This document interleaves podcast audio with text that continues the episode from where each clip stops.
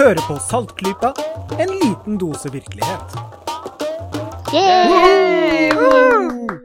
Hallo, hallo. Det var ikke verst, dere. Nei! Det var flotte saker. Ja. Nei, altså, som, som, som hørt, faktisk, så er dette Saltklypa. Og vi er jo faktisk, eh, etter mye om og men, i eh, relativt ny drakt. Mm. Vi har pynta litt på oss, og vi har fått veldig god hjelp. Eh, først kan jeg jo si at dette er episode 88. Symboltungt der. Eh, og jeg heter Kristin. Og med meg i dag har jeg Bendik. Jeg vil veldig gjerne ta sterk avstand fra episode nummer 88. Sånn rent symbolsk. Veldig symbolsk. Ja. Og, og jeg har eh, med Lisha. Hallo, hallo. God dag, god dag. Og Jørgen er med. Det er jeg. Endelig tilbake etter noen ukers fravær. Så bra. Da er vi hele gjengen. Eh, som sagt, vi har fått eh, veldig god hjelp fra en veldig kul eh, person som har lagd musikk til oss. Det kommer til å bli litt sånn spredt eh, rundt omkring i episoden. Kommer dere sikkert til å høre litt sånn små sånne lydklipp og sånn. Det er, eh, det er altså eh, Smart 9000 fra Evig Poesi, som har vært veldig flink, veldig flink og snill og hjulpet oss med dette. Um, og mens vi er i gang, da, vi har jo liksom sakte, men sikkert fornya oss litt. I- Ikke hatt alt på en gang. Eh, vi tenkte vi skulle nevne litt sånn hva vi har gjort eh, nå. Vi har jo fått nye websider. Uh, er ikke så nye lenger. Men eh, i forbindelse med det så har vi også fått en veldig fin logo. Den har vi også fått eh, hjelp til også. Ja, det var min kone Ingvild som designa den. Den er veldig fin. Ja, Veldig bra jobba. Vi kjører veldig på med, med salttema. Det var jo egentlig meningen at alt dette her skulle skje samtidig for rundt rundt et år siden, men så et år siden. Når man baserer seg på frivillig hjelp og, og sånn, så har folk et liv ved siden av, så blir det litt Ja. forsinkelser. Inkludert oss. Inkludert oss. oss. Det merker vi hver, hver dag. Men uh, ikke noen grunn til å gi opp saltgruppa av den grunn. Det ordner seg til slutt, som vi nå Ja. har hørt og sett.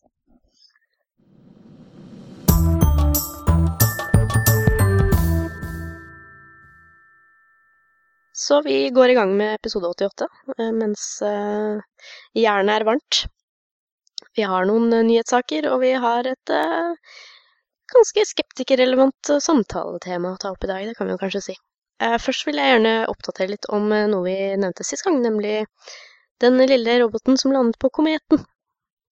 Det var da fila som ble sluppet ned fra eh, Rosetta. Og altså sånn, for å ta siden sist, da, for sist gang, så eh, endte vi jo med å nevne at eh, vi er ikke helt sikre på hvordan det hadde gått. Fordi det var et par ting som ikke funka underveis, og ja, ventet stadig på svar, da. Og også fordi den faktisk landa mens vi tok opp forrige episode. Ja, det var ekstremt breaking news. Så da satt jeg på hotellrommet mitt i Berlin og prøvde å finne siste nytt mens det skjedde. Men eh, siden sist da, så har jo ESA, eh, den europeiske romorganisasjonen, eh, febrilsk prøvd å finne ut hvor fila faktisk landet. Eh, den hadde jo et mål, det visste vi sånn cirka hvor det var. Men altså, det målet avhang jo av eh, at harpunene dens virket. Og Det fortalte jeg litt om forrige gang, at det gjorde de da ikke. Det er jo litt trist, fordi det hadde jo vært superkult å kunne fortelle at vi har landet på en komet og skutt harpuner inn i den, som en kjempestor romhval.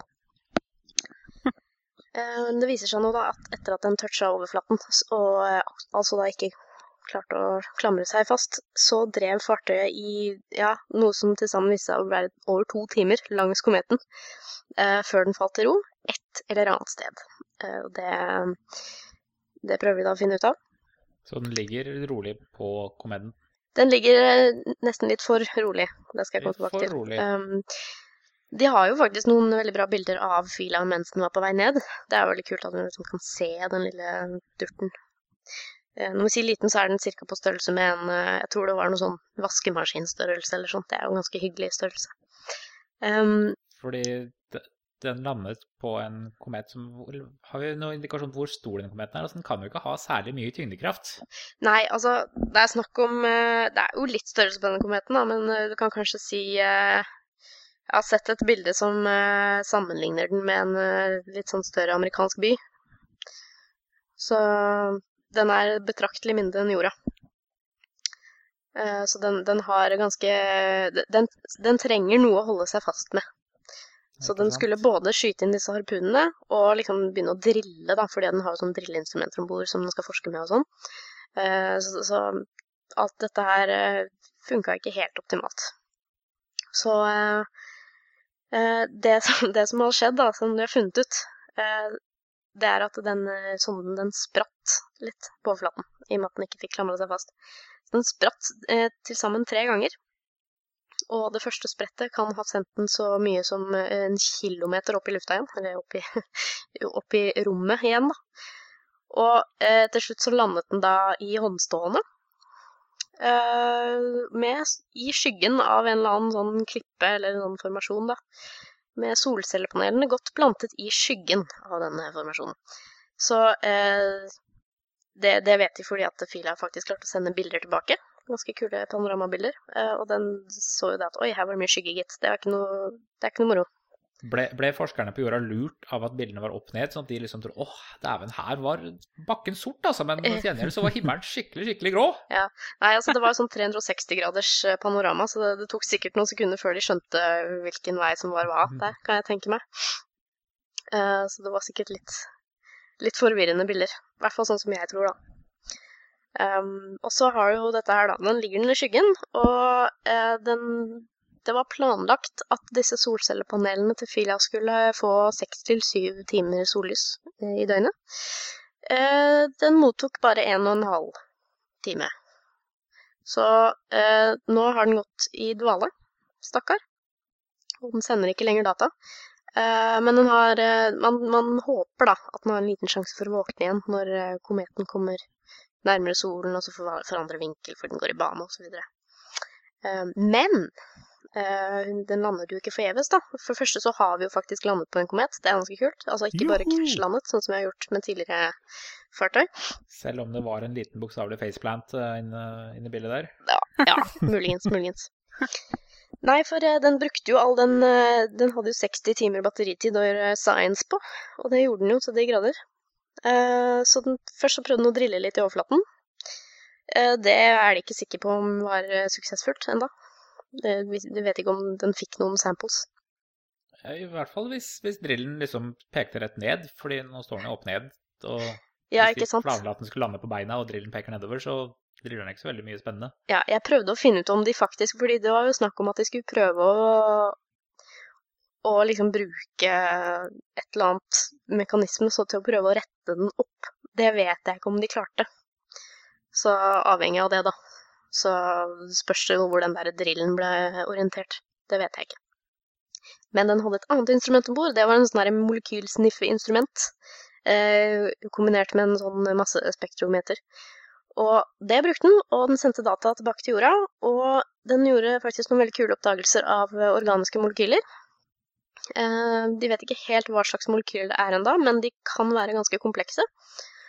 Og eh, som vi alle vet, jo mer komplekse organiske molekyler og forbindelser er, jo nærmere kommer de jo byggestenene for liv.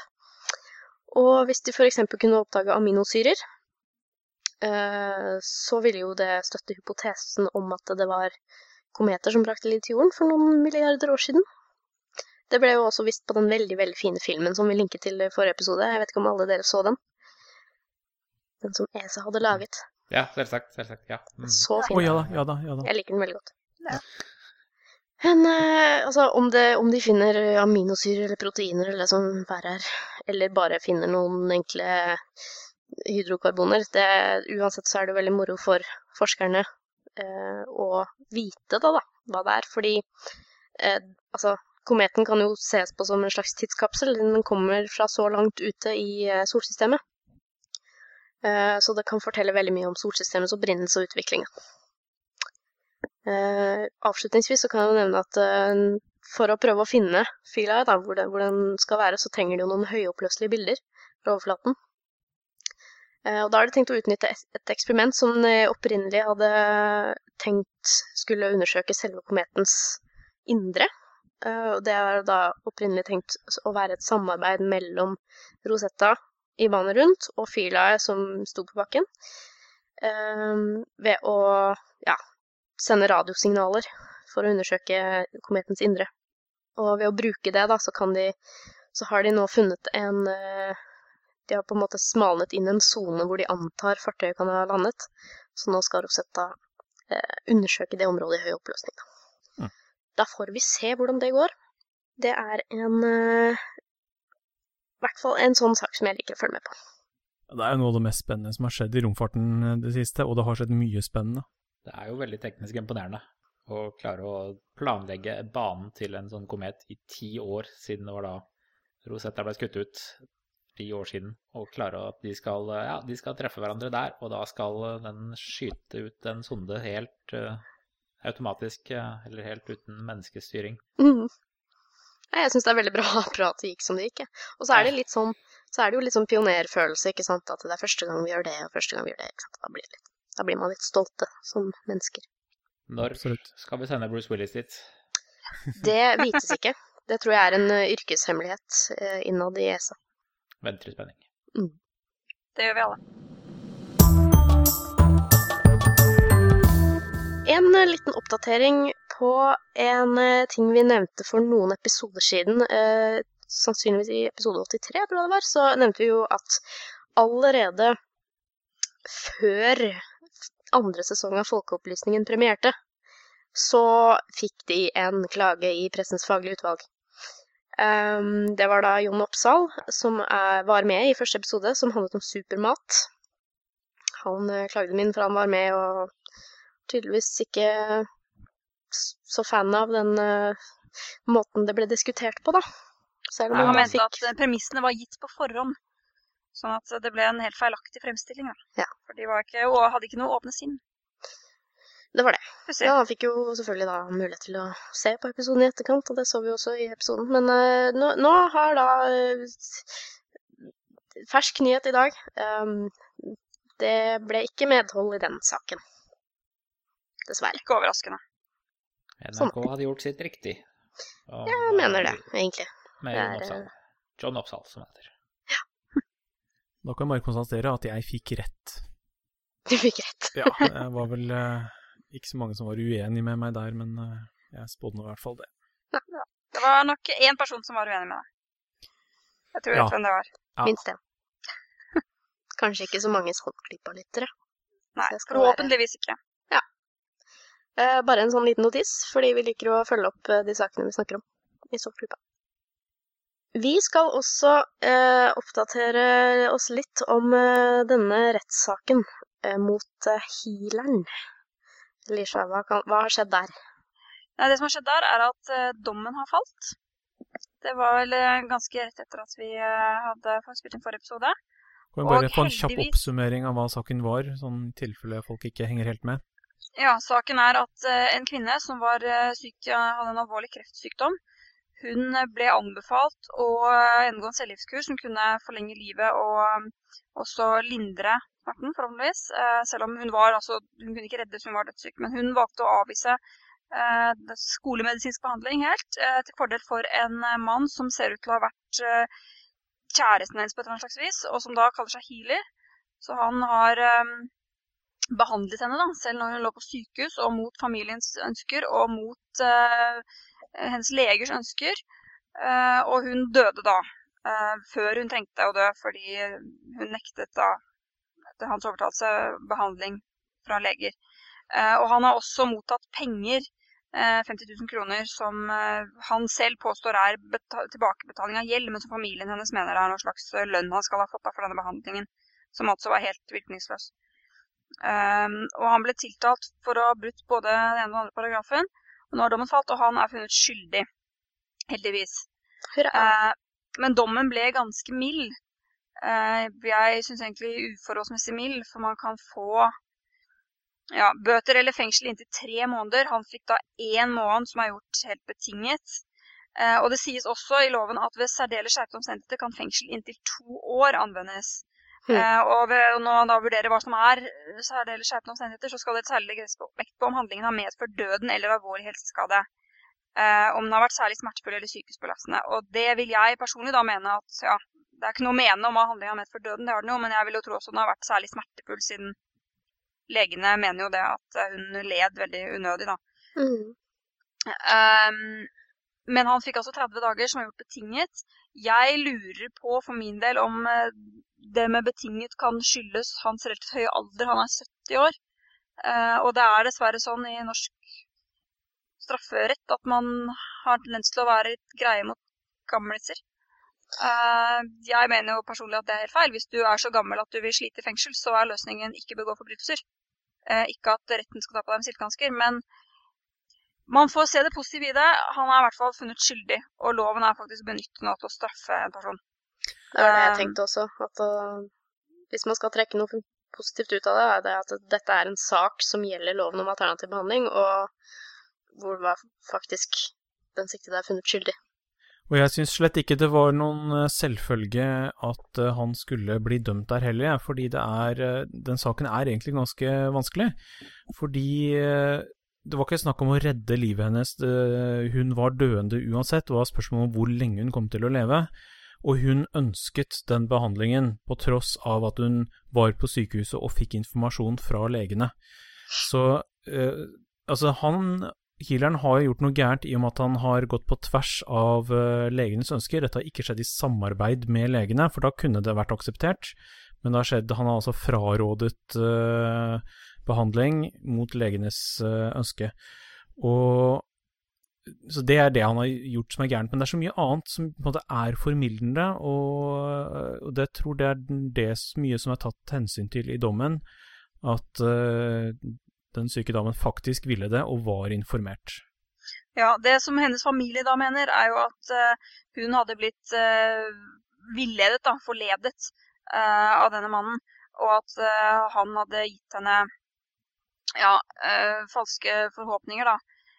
Så det er klart, her har det jo vært en konflikt mellom denne såkalte healeren og familien, som jeg forstår. De har jo sikkert hatt forferdelig og sett henne pines i hjel. Eh, men dommen slår fast at den behandlingen som han ga, var i full avklaring med avdøde. Eh, så han som nå er dømt, han er skuffet over å bli dømt, men han er fornøyd med premissene. For det er viktig for han da at det kommer frem at hun ville det selv. Men det ja, det står avdelingsoverlegen da, ved sykehuset hvor hun ble behandlet. Han uh, sier at uh, alle visste at hun kom til å dø raskt, men Hildren holdt fast på at hun skulle bli frisk med hans behandling. Så det blir jo Ja, alle helsepersonellet visste at hun kom til å dø, og for sannsynligvis snart. Men hun har vel hatt et håp om å overleve. Uh, og da er jo det familien mener er at han har forledet henne til å tro at hun faktisk kunne bli frisk. Ja. Så hun har hørt på ham, som selvfølgelig sa det hun ønsket å høre, og ikke på legene som har måttet si sannheten, at uh, dette er uhelbredelig. Ja, så ja. det er en vanskelig sak, men det er det da at um, hun var dødssyk. Det er klart, hadde det vært en person som kunne blitt helt frisk, så hadde det jo forhåpentligvis uh, blitt en, uh, blitt en strengere, strengere dom. Mm. Ja, jeg er bare fornøyd med at det ble en dom, tross alt, jeg, når det var såpass ja. mange formildende omstendigheter da er det eh, et viktig signal om at eh, selv i sånne situasjoner så begår man lovbrudd når man eh, driver med healing på tvers av legenes beskjeder. Ja, det er et viktig signal, og det er et viktig presedens. For nå har man faktisk retts, en dom fra en ordentlig rettssak hvor dette har vært prøvd for retten, og de har funnet at det er loven benyttes. Men så det hører med til historien at det blir nok en anking her, så siste ord ja. er faktisk ikke sagt. Nei, det er tvilsomt. Men vi, vi følger opp. Ja, det kan godt hende du hører mer om denne saken i Saltklypa. Fordi altså, dette er saker som vi liker å dekke, fordi det, det handler om uh, områder vi, vi, er interessert i. Uh, alternativ behandling er uh, et så utrolig betent tema, og det kan, det kan komme mye rare rettssaker ut av sånt etter hvert.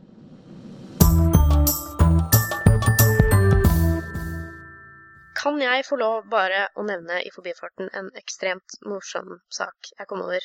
Um, det er Dere trenger ikke å ta denne her alvorlig, for at dette er en sak uh, fra Daily Mail. bare god det. Start, god start. Ja, det, bare det er en god start, uh, men det blir bedre. Det er altså en, uh, en, um, en, mann fra USA som kaller seg for Dr. Ellis Silver. doktor er veldig viktig her. Han er økolog.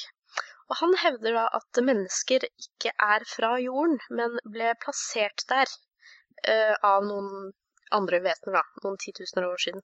Og han har gitt ut en bok Og uh, de har en fa- faksimile av, av coveret på, på denne boka. Den ser veldig selvprodusert ut. Sånn type uh, det jeg kunne lagt i paint på noen minutter.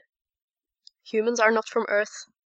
Det er kjempekult. Um, og undertittelen er visst da A Scientific Evaluation of the Evidence uh, uh, Skal vi se hva den het. The Scientific Evaluation of the Evidence. Ja, Humans are not from Earth. Så uh, det kan sikkert eh, diskuteres hvor eh, vitenskapelig denne evalueringen er, men han hevder å ha ganske mange holdepunkter for å hevde dette her. Eh, ved å liksom bare observere flere mm, på en måte markører, da. eh, kjennetegn ved sånn som menneskene er, og eh, trives på jorden. Så jeg kan bare nevne, fordi det er så utrolig gøy, eh, noen punkter han har sett, da, og, merket deg, og som er viktige bevis for dette her.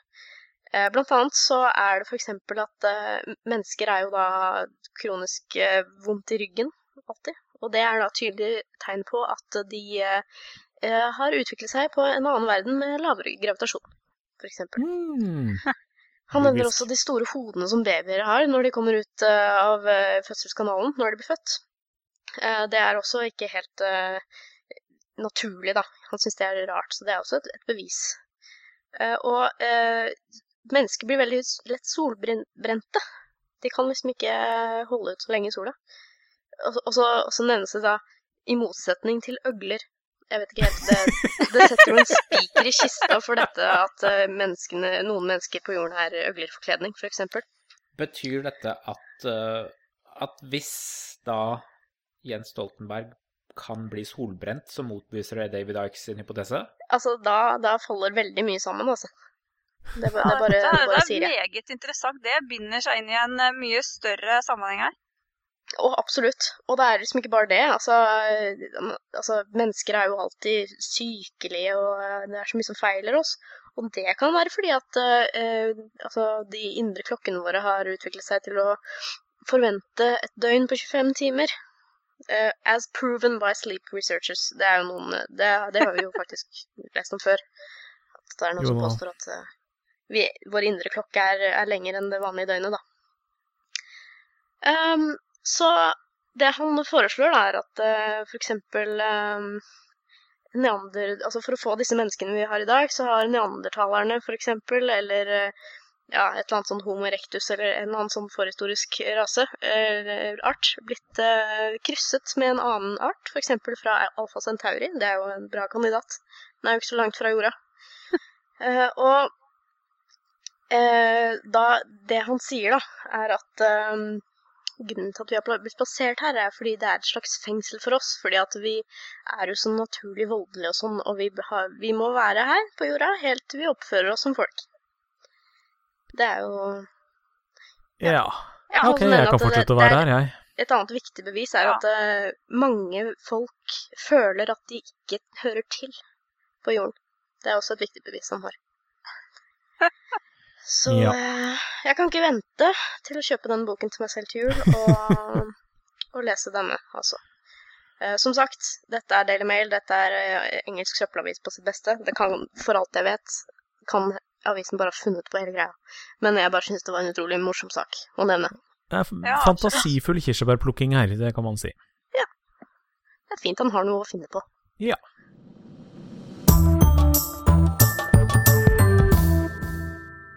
Nå skal vi til eh, en liten eh, samtale om pseudovitenskap, og som utgangspunkt i det så har vi tenkt å overgi mikrofonen til Jørgen, som skal eh, fortelle om noe han kom, kom over i et lokalhistoriemagasin.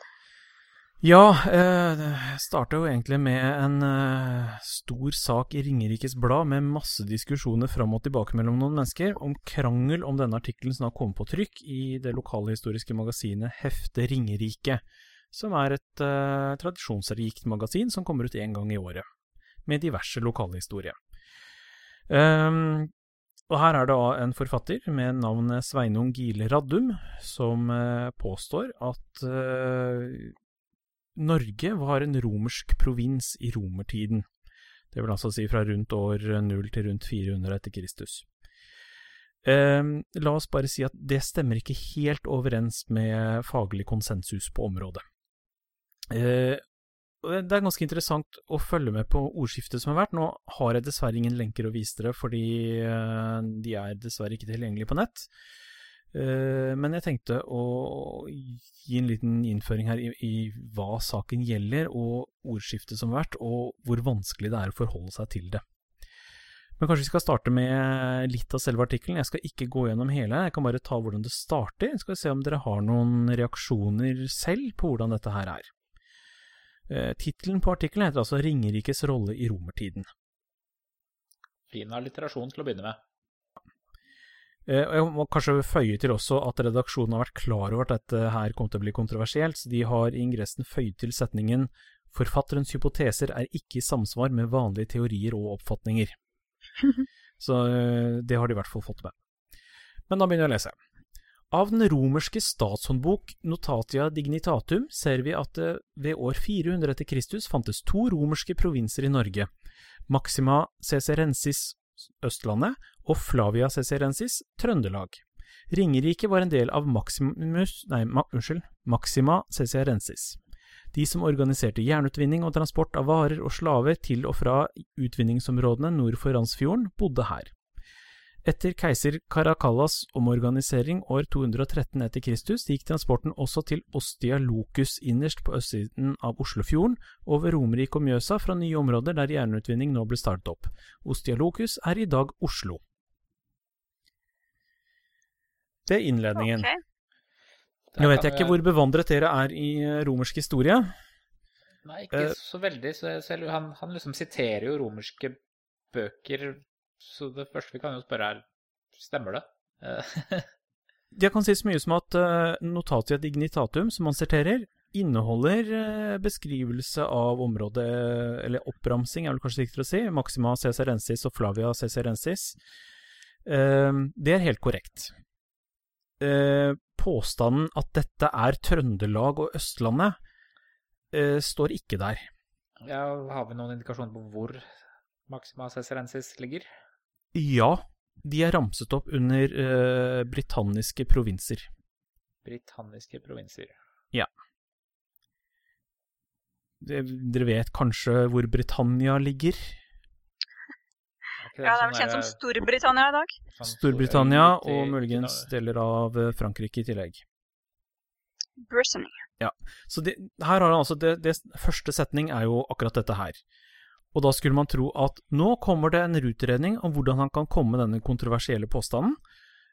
Men nei, dette er bare premisset. Uten noen videre begrunnelse. Og videre dette her med at Ostia Locus er uh, Oslo, det, det forlater han også bare der. Um, men jeg har sporet opp litt andre ting han har skrevet, og det han har gjort, er rett og slett bare å ta Ostia Locus og fjerne en del bokstaver og stå igjen med Oslo. Det, det er begrunnelsen hans. Eh, jeg har for øvrig ikke funnet noen andre referanser til Ostialocus, men det er godt mulig det eksisterer. Men eh, det eneste Ostia jeg kjenner til, er en by i Italia. Når, når, når man gjør sånne ting som det, ja, greit nok at Det er jo ofte at man kan høre liksom på forskjellige ord og til dels også stedsnavn at det liksom det har samme rot i, i språklige og sånn.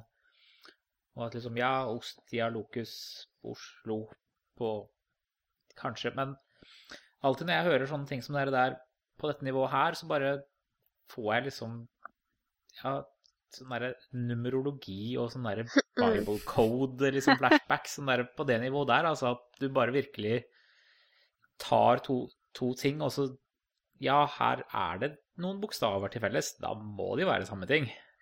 Det er kanskje litt sånn tegn på at de har eh, Ja, som sagt, jeg vet jo ikke noe så mye om denne saken her. eh, Ingenting, faktisk. Men eh, det er jo noen ganger et, i hvert fall et symptom på at de som fremsetter en påstand, har lett etter eh, bevis for en konklusjon de allerede har.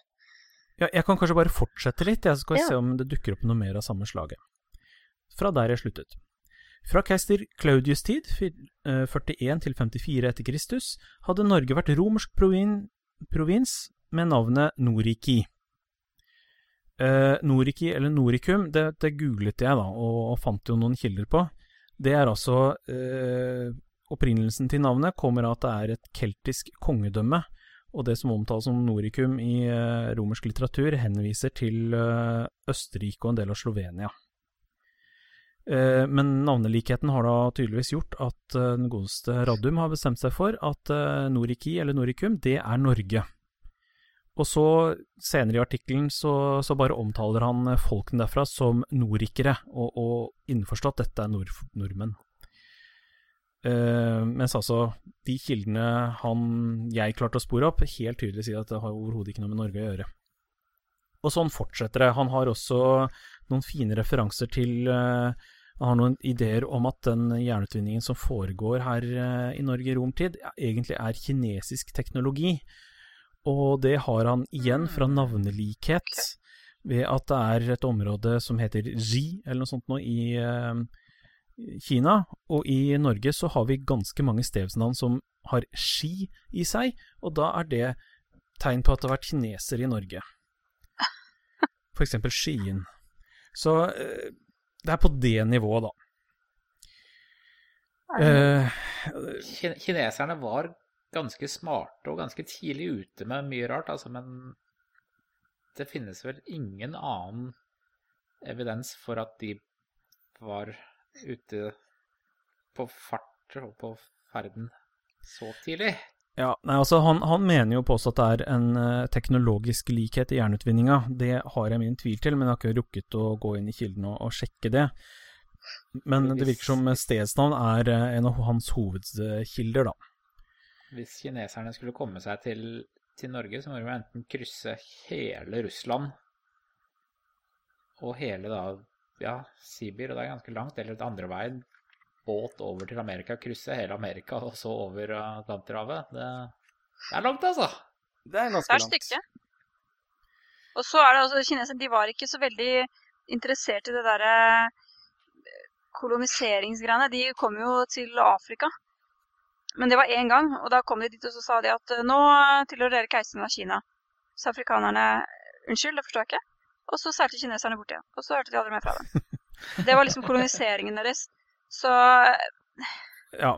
Det jeg kan Ja, si, det er at hele artikkelen Jeg har ikke orket å lese hele, jeg har prøvd, men er sånn, jeg må bare sjekke kilder underveis, fordi eh, fantastiske påstander eh, må man bare sjekke før man bruker dem videre, når de er premisser for alt som kommer etterpå. Og, poenget er at alt jeg har sjekka, stanser umiddelbart opp og, og framstår som vås. Uh, og sånn bare fortsetter det, og det er en, altså en ustanselig rekke med påstander som da alt jeg har sjekket, bare faller sammen når man sjekker det. Eh, Men dette her er altså den skriftlige versjonen av eh, Gish-galopp, for dem som kjenner det uttrykket. Det er fra en eh, forkjemper for eh, kreasjonisme, som var berømt for å komme med påstander så kjapt at ingen hadde sjans til å besvare dem før han hadde kommet med 20 nye påstander. Ja, bare en sånn sånn- strøm av eh, spørsmål. Ja, men hva med det, da? Hva med det. Hva med det, da? Ja, ikke Liksom. sant? Ja. Og den artikkelen her, som jo, altså dette lokalhistoriske bladet, kjøpes jo av veldig mange helt vanlige folk. Det er ikke så mange historikere, tror jeg, som kjøper det bladet. Det er mest for lokalbefolkning, og de fleste tror jeg bare ser at oi, du verden så mye denne personen vet, det må jo være noe i det. Tror jeg mange tenker. ja, men Når du hører at folk er en historiker, så tenker du at å, men da vet han jo hva han snakker om. Ja, han er ikke historiker, eh, men det står ikke i historiemagasin. Ja, ok. Så han, men hva var, det, hva var han da, sa du? Var han Skal se, jeg kan eh, kjapt lese forfatteromtalen her. Sveinung Gile Radum, født 1940, er diplomingeniør fra ETH i Zürich i 1968. diplomingeniør? Ja. Jeg har vært prosessingeniør og ekspert på framstilling av metaller, så det er veldig mye metallurgien han har uttalt som om eh, en eh, kompetanse og et ordvalg som gjør at jeg ikke klarer å følge det. Eh, så det er vanskelig for meg å kommentere akkurat den delen, som han har lagt veldig vekt på.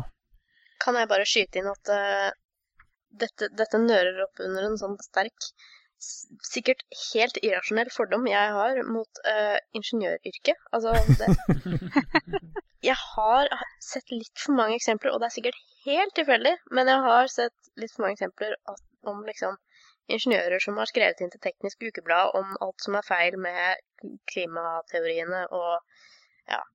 Jeg tenkte jeg bare skulle nevne det. Eh, Det sier kanskje mer om meg enn hva som egentlig er sant, men eh, det er bare noe jeg kom på. Jeg har merket meg litt av det samme, faktisk. Hm. Nå kjenner jeg ganske mange ingeniører fra forskjellige felt, og de fleste av dem er jo ikke sånn, men eh, Definitivt. de jeg kjenner som har sånne tilbøyeligheter, har en tendens til å være ingeniører. Ja, det, det er min forståelse av det. Og jeg har eh, ofte en følelse av at det går veldig galt når uh, ingeniører som primært tenker teknisk, prøver å bevege seg inn i uh, historie og andre humanistiske fag. Da har det tendens til å gå veldig gærent. Ja.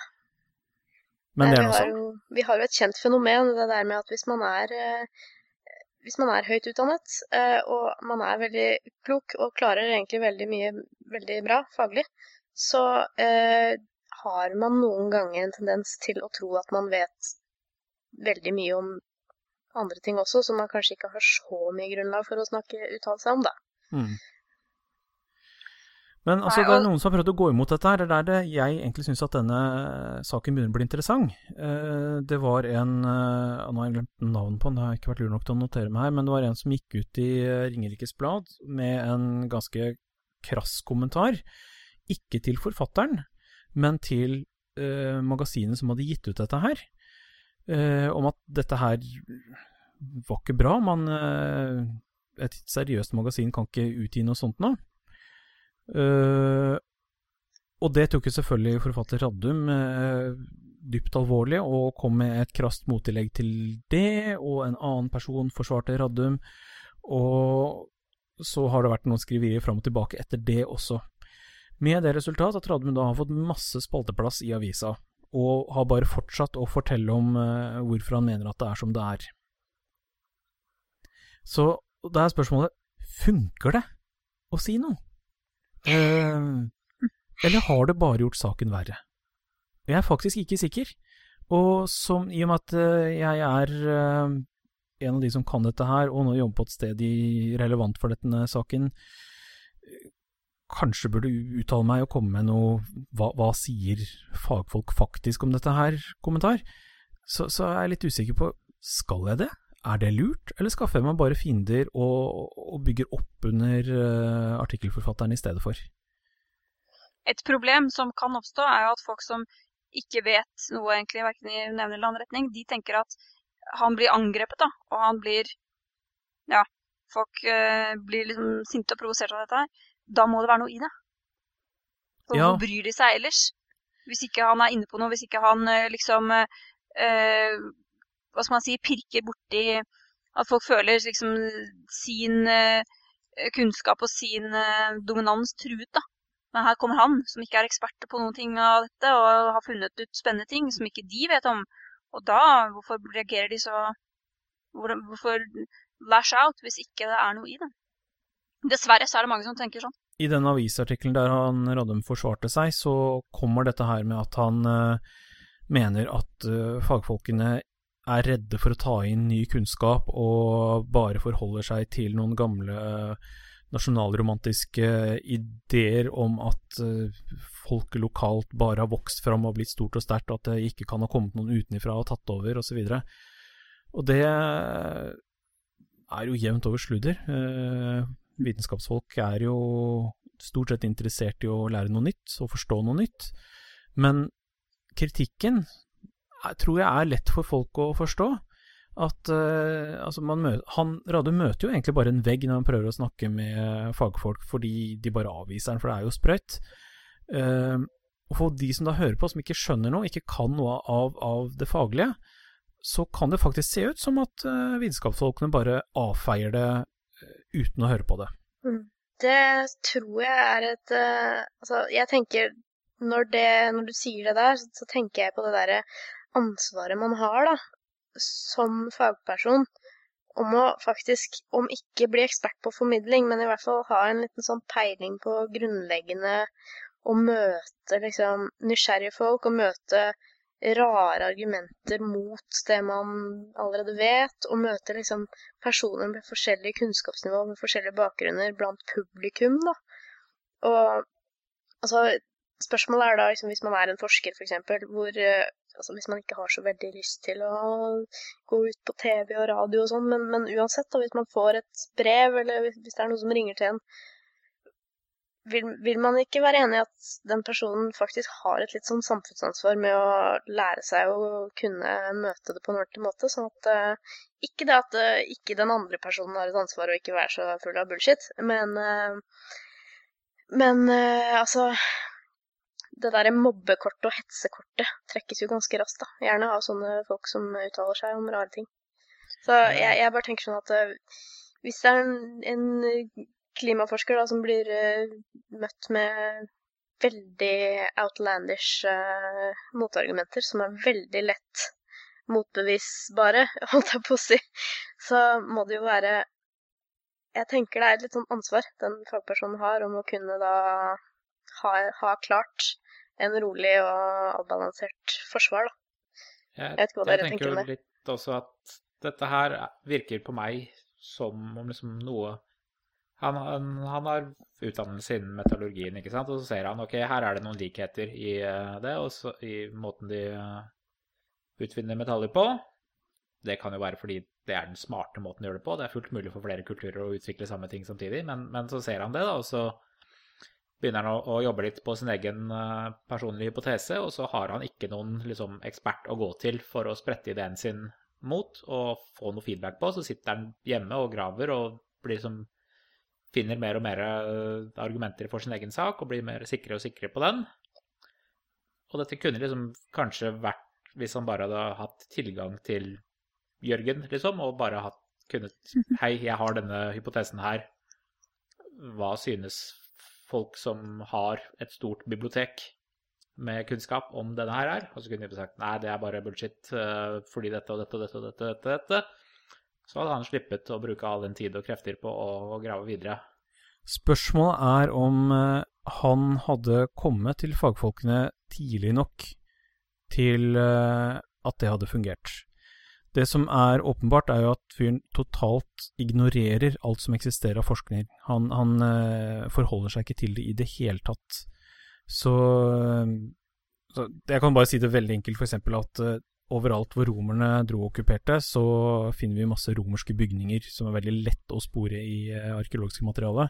Mm. Og vi har ikke antydning til noe sånt noe i Skandinavia. Så, ikke minst eh, veier. For eksempel ikke veier, ikke villaer, ikke borganleggene deres, uh, og heller ikke um, de typiske hverdagstingene som er mistet i disse områdene, finner vi, men vi finner derimot en del sånn stasgjenstander i gravene til folk, som er åpenbart romersk import.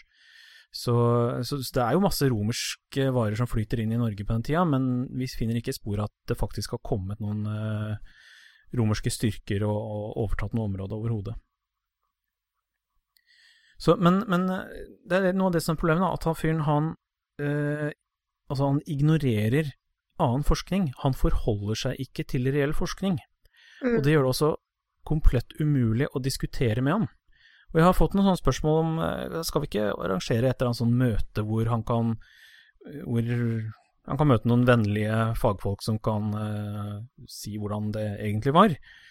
Men da har man det problemet at han framstår som, med, som om man har et alternativ som er reelt. Liksom ja, har, da kommer han på like fot med de fagfolkene. Ja, du får falsk balanse. Ja. Uh, og jeg føler at denne saken her har fanga på en sånn veldig vanskelig måte at på det tidspunktet, eller den situasjonen vi er i nå, så er det veldig vanskelig å gå inn og gjøre noen skadekontroll. Det blir som den kontroversielle møtet som Human-Etisk Forbunds fylkeslag i Oslo eh, arrangerte for kort tid tilbake, hvor de faktisk presterte å invitere Nils Christian Gelmøyden, eh, som har skrevet mye artig om maten vi spiser. Eh, det, I etterkant av det ble det jo ganske mye brudulje, fordi det var jo ikke akkurat noe HEF som helhet sto innenfor. Og mange av deres medlemmer, selvfølgelig spesielt de som har vært mye involvert i Ingen liker å bli lurt-kampanjen osv., hadde veldig, veldig mye å si om det. Og sammenligna jo nesten dette å invitere han her uten motdebattant til å liksom invitere en uh, historierevisjonist, liksom, for å snakke om hva som egentlig skjedde under holocaust. Uh, litt overdrevent der, kanskje, men uh, jeg tenker liksom på det, da. At det blir jeg syns i hvert fall det var veldig feil uh, å invitere til et veldig, veldig skepsisfritt arrangement om uh, alle de skumle tingene i maten vi spiser. Ja, altså Der er parallellen veldig klar. Det er uh, noen som er helt uvitenskapelige, som uh, havner under vingene til noen som framstår å, å være etterrettelige, og, og, gir da disse folka kredibilitet. Uh, og det, det, å ikke invitere dem er jo ikke knebling av ytringsfriheten. Altså, De kan fremdeles si det de mener, så mye de vil.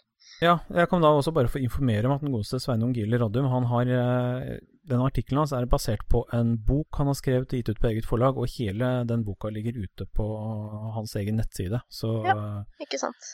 hvem som helst kan lese den hvis de vil. Ja, hadde, hadde, det vært sensur og knebling, så hadde nok ikke den boken fått lov til å ligge ute på nettet. Nemlig. Ja, det har sånn litt om hvilken arena man, eh, man, har tid til, og tid og krefter til å slippe sånt ut på, da. Sammenlignet med økologer som eh, har interessante hypoteser om menneskenes opprinnelse på jorda, f.eks., som jeg nevnte tidligere her. Ja. Ja. Men det her er i hvert fall den saken som jeg har eh, vridd huet litt på i det siste. Hvordan forholder man seg til dette her? Som, mm. Jeg er jo en fagformidler og, og, egentlig en person som burde gripe tak i den saken her så fort som mulig og gjøre noe med den, men jeg er veldig usikker på om jeg skal gjøre det, og i så fall hvordan. Det er virkelig et dilemma, da, altså, sånne saker. Det er det det er noe vi, vi, tar, vi, tar, jo opp dette her med vitenskapsformidling og pseudovitenskap i både medier og vitenskapspublikasjoner og sånne ting, da. I populærvitenskap, f.eks. Vi liker veldig å snakke om dette i denne podkasten her. Det har dere sikkert merket, dere som hører på. Så det kommer nok til å Det er et tema vi kommer til å besøke igjen og igjen. Ja, hvis noen av lytterne våre har innspill til hvordan eh, man burde takle en sånn situasjon som dette, så hører vi jo veldig gjerne fra dere. Absolutt noen spørsmål vi alltid er interessert i, er liksom altså Når man leser en sak da, som dette her, hvordan kan man gjenkjenne om det er pseudovitenskap, eller om det er noe hold i det? Altså, hva slags røde flagg kan man se etter? Uh, og hva skal man da gjøre, enten man er vanlig person eller fagperson, eller hva nå enn man gjør? Ja, De røde flaggene er jo vel lette å ta f.eks. hvis noen kommer med noen ville påstander om fysikk eller kjemi, eller sånt, for da er det jo lett å teste påstandene deres. Men det er, det er ikke like lett å teste historiske påstander. Nei, det er det. Der er det veldig mye at man må sannsynliggjøre ting. Og når man bare nekter å forholde seg til 100 eh, års eh, forarbeid av andre, så blir det for dumt. Det er kanskje der dette med Vi snakket om at ingeniører ikke for å være fordomsfull, men at det kanskje virker som de er litt mer prone to uh, Gish Gallop-greier uh, når det gjelder sånne humanistiske fag. Uh, vi får, kommer til å få så mye hatpass om dette her fra ingeniører, altså. Ingeniører, forsvar dere! ja.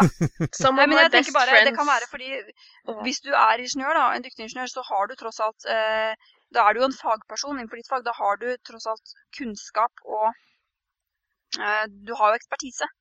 Eh, og det er jo en del ingeniører, kanskje gjerne litt spesialiserte felter, som eh, kanskje tar den litt langt. Og så har du det at det er et mye mer sånn hva skal man si, konkret fag. Slik at kildekritikk er ikke så viktig i det faget. Fordi du bygger det, og du bygger en bru. Enten så ramler den sammen, eller så står den. Det er på en måte ikke, Du trenger ikke lese noen bøker for å finne ut om hva folk på 1800-tallet mente om bruer, liksom. Mens i historie så må du, som Jørgen sier, da, du må sannsynliggjøre. Det kan ikke testes. Det kan ikke Du kan ikke liksom bevise ting. Så det du bare må gjøre, er å forholde deg, se på konsensus og finne ut Hvis du har en ny teori, da, så må den En ny hypotese, skal jeg si. Så må den på en måte passe inn i det vi allerede vet med stor sannsynlighet. Eller så må du kunne vise ja. på en god måte hvorfor det som er gjort før, er feil. Ja, og dette er jo veldig, veldig viktig med, med kildekritikk, ikke sant. Uh, og den type kildekritikk, den tror jeg ikke ingeniører egentlig har i bagasjen. Fordi det er ikke nødvendig i deres fag. Men hvis du f.eks. da Du kan ikke bare lese Snorre og si at oi, sånn var det. Da må du se på sammenhengen. Eh, han skrev 200 år etter det, det som skjedde. Eh, det hadde vært et religionsskifte. Hvem, hvilken fraksjon støttet Snorre eh, i da, datidens Norge, i sin samtids Norge? Og hvem nedstammet de fra i de historiene som han skrev? For bare for å ta et eksempel da, som er ganske åpenbart. Men sånne ting, det er noe du må Du er ikke liksom født med den evnen til kildekritikk. Det må du lære deg. Og jeg tror kanskje at ingeniørutdanningen ikke er det beste stedet å lære dem. Så når de begynner å legge seg opp i sånne ting som det, så kan det fort gå gærent, som vi da ser i dette tilfellet. Vi kommer altså til å få eh, så mye tyn, men eh, det er velkomment. Bare send Ja. oss noen eh, Det du har Ja. å si imot oss, så skal vi gjerne ta det opp igjen og høre på det dere har å si. Ja. Og vi mener selvfølgelig ikke at alle ingeniører er sånn. Mange av dere er sikkert hyggelige folk. Noen av våre beste venner er ingeniører. Men ja, eh, det, det ble en litt sånn eh, kort avslutningsmessig prat om, eh, om pseudovitenskap. Jeg vet ikke om vi har noen andre poenger vi vil komme frem til som avslutningsvis. Eh, Ellers så kan vi jo eh, som sagt eh, invitere til en liten debatt på våre nettsider om eh, pseudovitenskap og gjenkjenning av, eh, av slike ting i forskjellige medier. Der, er- som skeptikere har man jo masse, masse bagasje å, å bruke. Altså, vi ser etter logiske tankefeil, det liker vi jo veldig, veldig å gjøre da, ikke sant. Også sånne rare debatteknikker som vi snakka om Gish-galoppen, for eksempel. Både Den, den kan jo, som vi nå har sett, også eksistere i skriftlig form, for eksempel. Er det noen andre kule ting man kan, eh, man kan benytte seg av for å gjenkjenne sånne ting? Det er jo så mye. Eh, hvis vi skal ta hele det løpet der, så blir vi aldri ferdig med den episoden her, tror jeg. Vi kan heller porsjonere det ut i senere episoder, tenker jeg. Ikke sant? Ja. Det kommer vi uansett nok til å gjøre. Ja, dette her kommer vi til å få komme tilbake til. Nei, sånn avslutningsvis så vil vi igjen bare uh, si unnskyld til alle våre ingeniørlyttere. Uh, dere er smarte mennesker hele gjengen, er jeg helt sikker på. Uh, er et lite eksempel der, bare. Um, vi eh, er kommet til veis ende i denne episoden her. Den ble jo faktisk ganske fyldig, den. Det ble den. Vi har tenkt å bare avslutte med vår fantastiske lille outro, eh, som eh, igjen vi har fått god hjelp til å lage. Og eh, ja, så ses vi vel igjen om eh, et par ukers tid, gjør vi ikke det? Jo. Vi høres igjen. Ha det bra! Ha det. Ha det bra. Saltklypa lages av Kristin Lisha, Jørgen og Bendik. Har du spørsmål, anbefalinger, ris eller ros, send det til post at saltklypa.no, eller finn oss på Facebook. Lenker til alt vi har snakket om i episoden finner du på saltklypa.no, hvor du også kan abonnere på podkasten for å få hver episode levert på døra helt gratis. Takk til Smart 9000 fra Evig poesi som har laget kjenningsmelodien.